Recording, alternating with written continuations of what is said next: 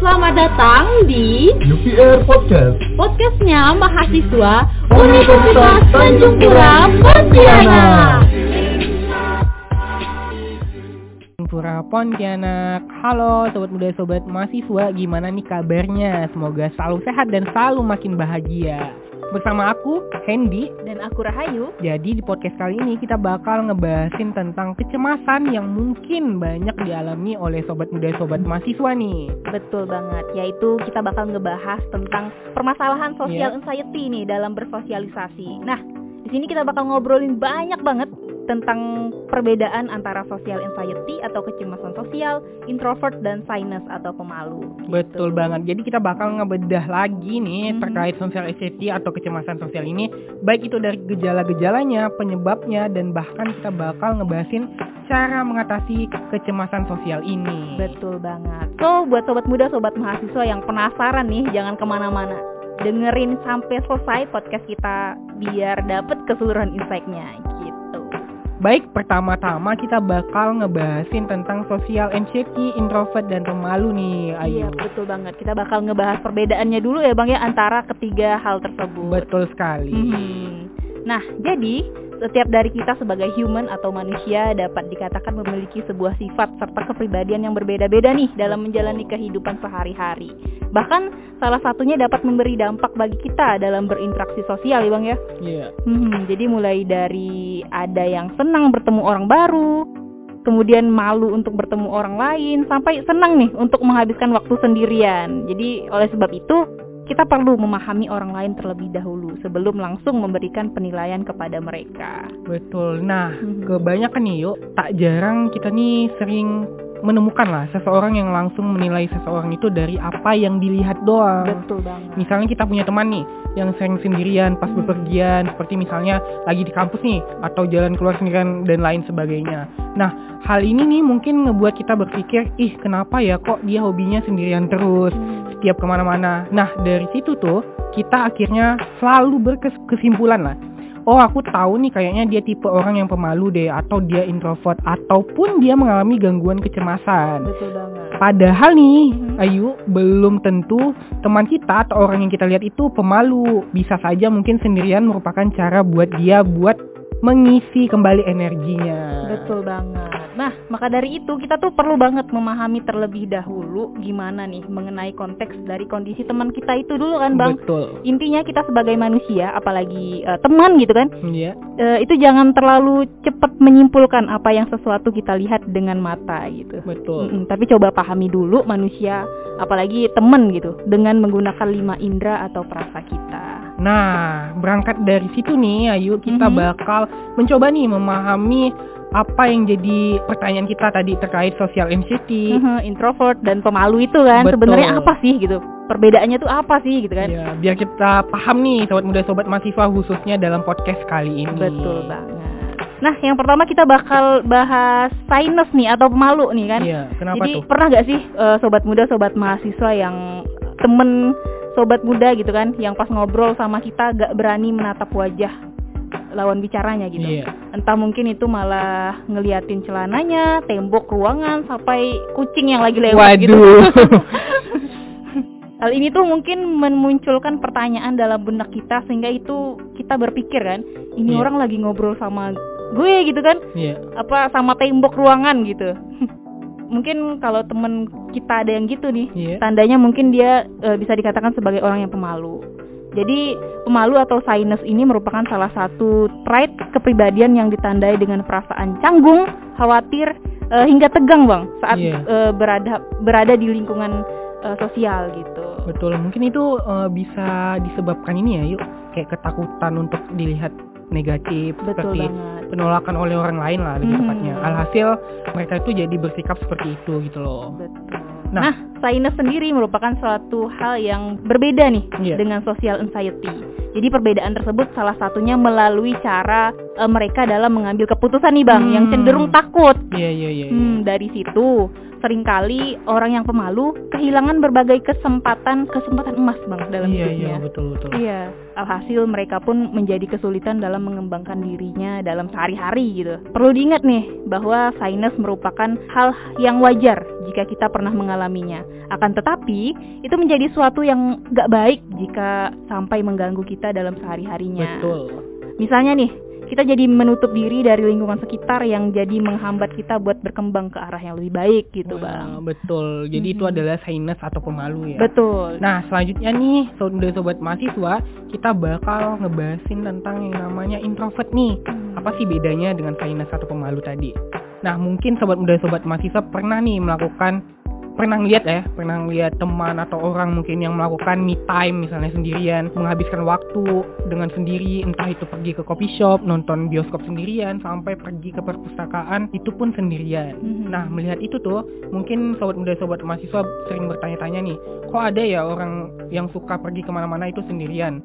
Atau emang mungkin dia nggak bosan, apakah nggak bosan gitu, sendirian tanpa ngobrol sama temannya gitu. Mhm. Nah, mungkin nih orang itu bisa dibilang memiliki ciri kepribadian introvert. oh. Jadi, introvert itu apa? Ayo, jadi merupakan salah satu bentuk trait kepribadian yang dikembangkan oleh psikolog Carl J. Jung. Oh. Nah, jadi hal ini sering kali ditandai dengan kecenderungan seseorang untuk menghabiskan waktu sendirian dengan harapan mereka dapat recharge energi mereka begitu. Oh, jadi introvert adalah cara ngecharge Iya. eh, diri gitu kan dengan Betul. sendirian gitu. Jadi kalau sobat muda, sobat mahasiswa masih bingung nih, misalnya kita bakal eh, mencoba menganalogikan nih bang, Bang, gimana? manusia itu dengan baterai gitu kan, Mm-mm. ibarat baterai, manusia juga butuh diisi ulang kembali energinya yang telah habis. Nah, gitulah ya introvert ya. Eh, eh, jadi introvert adalah cara kita dalam mengisi energi gitu kan bang. Betul. Mm-mm. Jadi bedanya tujuan baterai diisi kembali Mm-mm. adalah untuk dapat berfungsi, sedangkan Iya, iya, manusia sebagai sebagai manusia gitu kan berfungsi untuk dapat menjalani aktivitas dalam sehari-hari gitu. Misalnya seperti bekerja di kantor, Betul. berkuliah di kampus serta menjalankan bisnis yang dimiliki. Namun nih, Hmm? banyak dari kita yang mungkin masih salah paham dalam mendengar atau memandang eh, serta mengartikan introvert ini, Bang. Iya, iya. Heeh, jadi sering kali kita mungkin menganggap mereka gak suka bertemu banyak orang dan memiliki kemampuan sosial yang buruk. Padahal tuh enggak gitu. Padahal ini hanyalah cara mereka untuk mengisi energi yang telah habis. Iya, ya layaknya Mhm. tadi seperti baterai ya. Mm-mm, Harus betul banget. gitu. Iya, dengan begitu gak tepat jika introvert dikatakan sebagai sesuatu yang buruk. Betul. Hmm.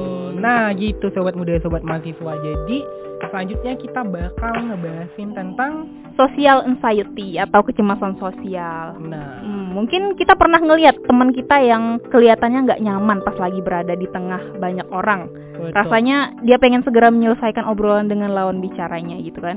Hal ini mungkin kelihatan apa ya dari reaksi tubuhnya pas Hmm. lagi ngobrol. Salah satunya tuh yang gemetar, gemeteran gitu bang, Iya, iya, iya. iya. gelisah gitu. Dari situ mungkin kita bertanya-tanya, ini kenapa ya dia kok gemeteran dan buru-buru banget gitu. Iya.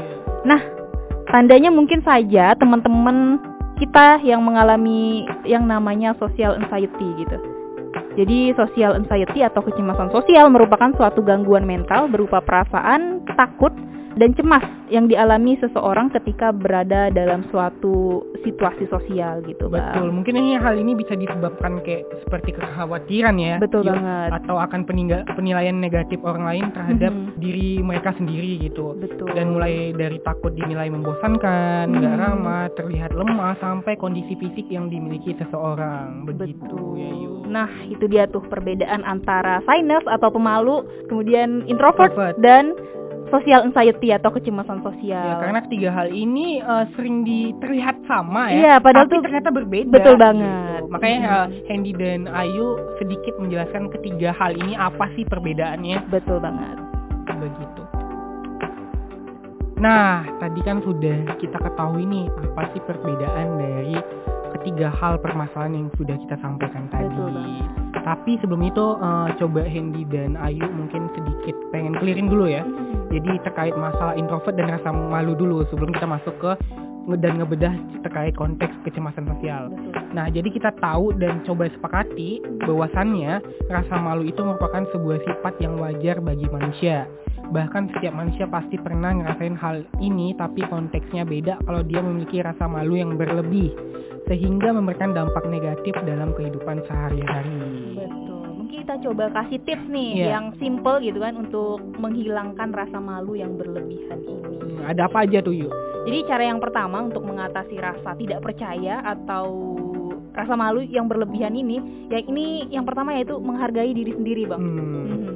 Jadi pikirkan semua hal yang baik dan kesuksesan yang telah kamu raih gitu. Puji diri kamu bahkan untuk pencapaian terkecil dan percaya diri aja gitu. Iya iya. Mhm. Jadi karena orang pertama yang seharusnya merasa bangga pada eh, kita, diri kita sendiri itu adalah diri kita. Betul. Dan yang kedua nih yuk, Mhm. eh, tipsnya adalah berhenti untuk menjadi sadar diri. Jadi cobalah sobat muda sobat mahasiswa fokus pada hal-hal yang dapat dikendalikan seperti reaksi dan sikap daripada hal-hal yang tidak dapat diubah. Betul. Fokuslah pada hal-hal tersebut sehingga sobat muda sobat mahasiswa bisa lebih percaya diri dan rileks dalam menjalani aktivitas. Wah, jadi yang ketiga nih, jangan terlalu banyak berpikir gitu. Betul.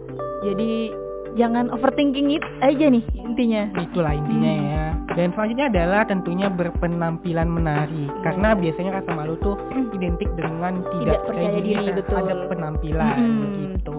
Jadi penting ya berpenampilan menarik. Nah, gitu ya untuk Hmm. rasa malu menurut Hendy itu udah clear Betul. dan tips-tipsnya juga sudah kita sampaikan Hmm. gitu. Nah, selanjutnya nih apa yuk? Nah, selanjutnya kita tuh bakal ngebahas tentang introvert kan Hmm. tadi. Jadi introvert itu kan merupakan sebuah kepribadian. Iya betul. Nah, jadi kita tahu Hmm. nih stereotip seseorang terhadap pemilik sifat introvert sering kali dianggap egois, sombong, antisosial, pemalu gitu. Padahal tuh tidak semua introvert bersifat yang yang udah kita pikirin itu gitu Betul, kan. betul. Mm-mm. Jadi ada beberapa orang yang sebenarnya dia bukan pemalu, pandai bicara, tetapi di momen tertentu Iya. dia merasa seperti kepribadian introvert gitu Mm. tanpa sadar dan baru bisa memahami seiring berjalannya waktu gitu. Jadi Betul.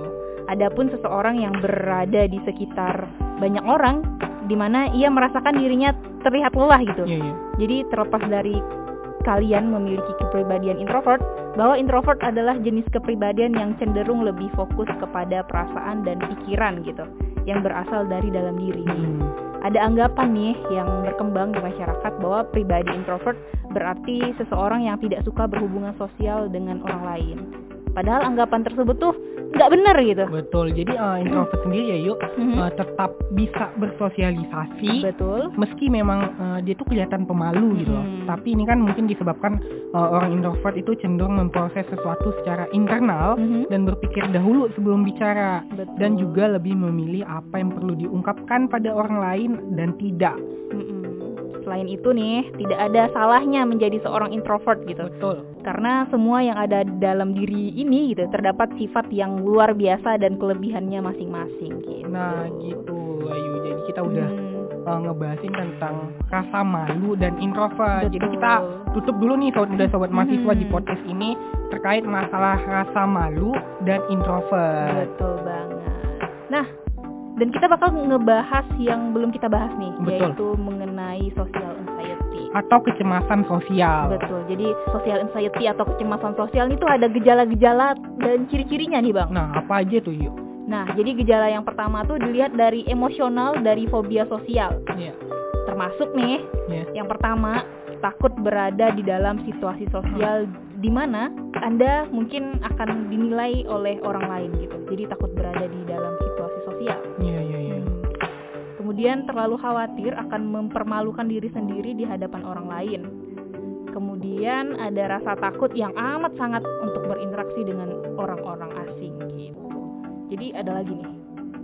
Ada rasa takut orang lain akan menyadari bahwa dirinya tuh merasa cemas gitu. Hmm. Jadi dia memiliki ketakutan itu juga, Bang. Kemudian rasa takut tubuh bereaksi saat merasa malu seperti pipi merah, muncul keringat berlebihan, Hmm.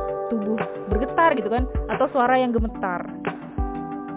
Kemudian menghindari berbicara dengan orang lain karena malu dan menghindari berbagai kondisi yang memungkinkan sobat muda sobat mahasiswa menjadi pu- pusat perhatian. Dia sangat menghindari itu, Bang. Hmm. Kemudian berusaha untuk berada di situasi sosial tertentu tapi dengan rasa cemas dan takut yang berlebihan.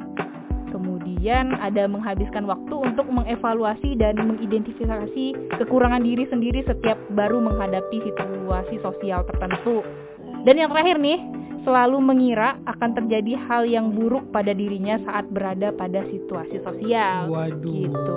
Jadi banyak banget ketakutan yang pada yang ada dalam dirinya saat bersosialisasi. Betul, gitu. itu kan kalau dilihat dari gejala emosionalnya ya. Betul banget. Jadi ada juga gejala fisik yang Mhm. tampak nih pada eh, pengidap Sosial Ya, anxiety ini. betul. Mhm. Jadi gejala apa sih gejala fisiknya? Yang pertama ada kayak wajah memerah atau blushing, Mhm. napasnya tuh pendek-pendek, sakit perut atau mual, kemudian dia gemetar tadi, Mhm. termasuk suara yang bergetar, jantung tuh selalu berdebar-debar ataupun dada tuh terasa nyeri, Wah. kemudian berkeringat secara berlebihan, Mhm. kemudian merasa pusing ataupun ingin pingsan. Waduh. Nah, kondisi yang sering dihindari nih Hmm. eh, penderita social anxiety ini jika memang mengalami social anxiety mungkin sobat muda sobat mahasiswa akan merasa kesulitan jika harus menghadapi kondisi-kondisi berikut ini nih. Hmm, apa aja itu yuk? Nih, yang pertama berinteraksi dengan orang yang tidak dikenal. Hmm. nggak bisa banget nih si social anxiety. Waduh,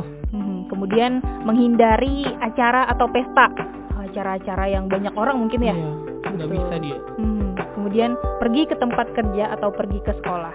Wah, Pergi kuliah termasuk ya berarti ya? iya betul Waduh. banget. Jadi itu kondisi yang mm, mereka hindarin gitu. Kalau introvert kan masih bisa. Hmm, Beda kalau kalau kalau kecemasan sosial ini nggak bisa kondisinya kayak gitu. mm-mm. Kemudian dia nggak bisa nih bang Hmm. eh, memulai percakapan terlebih dahulu. Waduh. Hmm. Dan yang terakhir bertatap mata dengan lawan bicara. Eh belum terakhir bang. Hmm, ada Masih apa? ada. Masih ada ya? Mm-mm, dia juga nggak bisa kayaknya berkencan gitu. Aduh. Sayang banget. Kemudian Kemudian memasuki ruangan yang sudah ada orang di dalamnya. hmm, Hmm. Kemudian mengembalikan barang ke toko. Misalnya salah beli, dia Mas- nggak bisa. Nggak bisa. Disuruh kembaliin gitu. pasti beli lagi kayaknya. bisa jadi. Kemudian makan di hadapan orang lain, dia nggak bisa. Waduh. Jadi makan harus sendiri gitu. Iya. Waduh, berat banget. Dan yang terakhir nih, menggunakan toilet umum. Waduh. Nah, itu dia em, yang apa ya? Yang dia kesulitan jika menghadapi situasi tersebut. Betul, itulah tadi eh, gejala emosional, gejala Mhm. fisik serta kondisi-kondisi apa sih yang menunjukkan bahwasannya dia adalah penderita social anxiety. Betul banget. Nah, tadi kan kita udah bahas nih tentang ciri-ciri dan gejala-gejala yang dialami oleh seseorang yang terkena social anxiety ini nih. Jadi Betul. kita kemudian bakal ngebahas tentang penyebab dan cara mengatasi social anxiety ini nih Hmm, agar kita bisa percaya diri gitu kan dalam melakukan sosialisasi. Betul. Nah, Rayu bakal menjelaskan penyebabnya nih. Sobat muda, sobat mahasiswa mungkin bertanya-tanya nih, bagaimana nih seseorang bisa mengalami social anxiety? Kondisi ini biasanya terjadi karena berbagai faktor yang berbeda gitu. Hmm, Jadi ini nih, faktor yang pertama tuh, ada apa aja tuh? Hmm, jadi faktor yang pertama tuh ada faktor keturunan. Waduh. Juga ya. Jadi ke- gangguan kecemasan atau social anxiety ini memiliki kecenderungan untuk diturunkan di dalam keluarga nih, Bang. Hmm, Oleh sebab itu nih, jika ada anggota keluarga yang mengalami kondisi ini, sobat muda, sobat mahasiswa memiliki potensi untuk mengalami berbagai jenis gangguan kecemasan, termasuk social anxiety ini. Waduh. Gitu. Meski begitu, masih belum dapat diketahui dengan pasti seberapa besar pengaruh genetik atau keturunan terhadap penyakit mental yang satu ini nih, Bang. Waduh, waduh. Hmm. Jadi yang kedua tadi kan karena faktor keturunan, Keturunan. bisa juga. Yang kedua itu struktur otak. Kenapa tuh? Nah, struktur otak yang disebut eh, amigdala berperan dalam mengontrol respon terhadap rasa takut yang yang sobat muda sobat mahasiswa miliki gitu. Hmm, Jika amigdala pada otak bekerja terlalu aktif, respon terhadap rasa takut akan semakin meningkat, Bang. Waduh. Hmm, jadi hal tersebut yang dapat menyebabkan rasa cemas berlebihan. Kemudian yang ketiga tuh lingkungan. Hmm, Social anxiety merupakan kondisi yang mungkin terjadi akibat menghadapi pengalaman yang tidak menyenangkan atau memalukan sebelumnya. Jadi ditambah lagi eh, social anxiety juga dapat terjadi akibat pola asuh orang tua yang salah gitu kan. Saat orang tua sendiri menanamkan rasa khawatir dirinya dan terlalu mengontrol gitu serta terlalu protektif Iya, iya. pada anak gitu kan. Hal ini tuh bisa menjadi penyebab munculnya gangguan kecemasan sosial juga nih. Gitu. Betul. Mhm. Tapi ngomong-ngomong tadi dijelaskan sama Rahayu terkait Mhm. penyebabnya serta kita juga udah ngebahas tentang ciri-ciri dan gejala-gejala ya Betul banget. Dari social anxiety sendiri atau Mhm. kecemasan sosial. Mhm. Tapi bukan berarti serta merta sobat muda sobat mahasiswa itu apa self diagnos gitu. Iya betul. Jadi bagaimana sih kita bisa mendiagnosis Mhm. kita nih apakah apa mengalami social eh, anxiety ini betul. gitu kan. Nah, satu-satunya cara adalah ke dokter. Mhm. Nah, dokter mungkin akan mencari, mencari tahu apakah ada kondisi kesehatan lain yang eh, sobat muda sobat mahasiswa alami gitu. Betul. Bisa aja menjadi sumber penyebab dari ganggu, gangguan kecemasan sosial yang dialami. Mhm. Beberapa hal yang mm, Hendy dan Rahayu coba riset ya Mhm. dan dapatkan yang pertama adalah melakukan tes fisik untuk membantu dokter dalam menganalisis kondisi kesehatan atau penggunaan obat tertentu yang mungkin yang mungkin ya sobat muda sobat mahasiswa menjadi pemicu munculnya gejala kecemasan sosial ini. Oh. Dan yang kedua, dokter bakal bertanya nih Mhm. mengenai gejala apa saja yang dirasakan. Seberapa sering gejala tersebut muncul dan pada kondisi seperti apa gejala-gejala tersebut muncul. Dan yang ketiga, dokter bakal meminta sobat muda sobat mahasiswa yang mengalami kecemasan sosial untuk mengisi kuesioner nih Mhm. terkait mengenai berbagai gejala dari kecemasan sosial ini. Wah, jadi Gitu. tadi kan kita udah jelasin nah, jelasin nih Hmm. ciri-ciri dan eh, gejalanya gitu kan. Iya, Dan jika sudah mengetahui akan ciri-ciri tersebut, tahap selanjutnya itu ke dokter ya, Bang ya? betul banget. Eh, eh, jadi ada tahap apa ya? Tahap penyembuhan gitu Iya. kan kalau sudah ke dokter. Intinya jangan self diagnos sih kalau Mm-mm. terkait kecemasan sosial ini karena terlepas dari sobat sobat mahasiswa mengalami ciri-ciri yang sama, penyebab Mhm. yang sama, gejala-gejala yang sama, tapi tetap harus ke dokter karena itu emang ahlinya gitu. Betul banget. Tapi nih. Rahayu kita bakal coba nih mencoba me- memberikan Tips gitu. betul bagaimana sih cara mengatasi social anxiety ini Mhm. walaupun emang kewajiban pertama adalah ke dokter ya. Iya, betul. Ada apa aja tuh?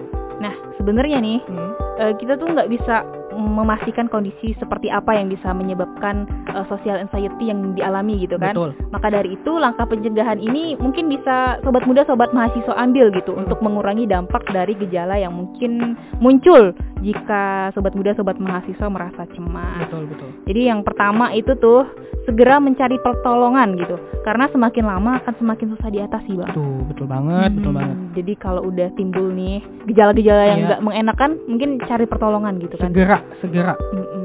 Kemudian yang kedua, mulai menulis jurnal atau buku harian untuk membantu memahami kejadian apa yang mungkin menyebabkan timbulnya stres dan rasa cemas. Betul banget. Dan juga yang ketiga adalah Mhm. pilah dan pilih hal positif yang ingin uh, sobat muda, sobat mahasiswa pikirkan. Artinya tetap fokus kepada hal-hal yang membuat uh, sobat muda, sobat mahasiswa itu selalu merasa bahagia. Betul banget. Dan uh, terakhir nih, Mhm. ayo hindari penggunaan obat-obatan terlarang. Iya, betul. alkohol dan merokok itu yang penting begitu. Betul banget. Nah, mungkin sampai di sini dulu ya. Ayo Mhm. podcast kita kali ini. Iya.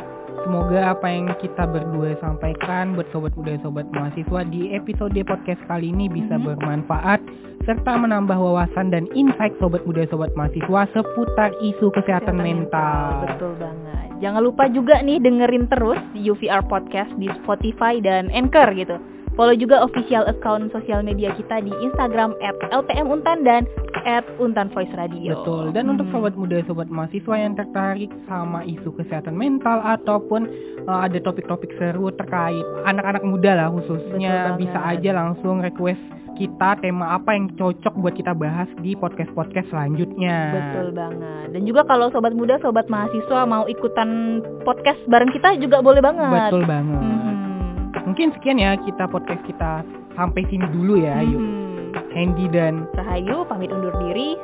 So see you on the next podcast. Bye. Bye.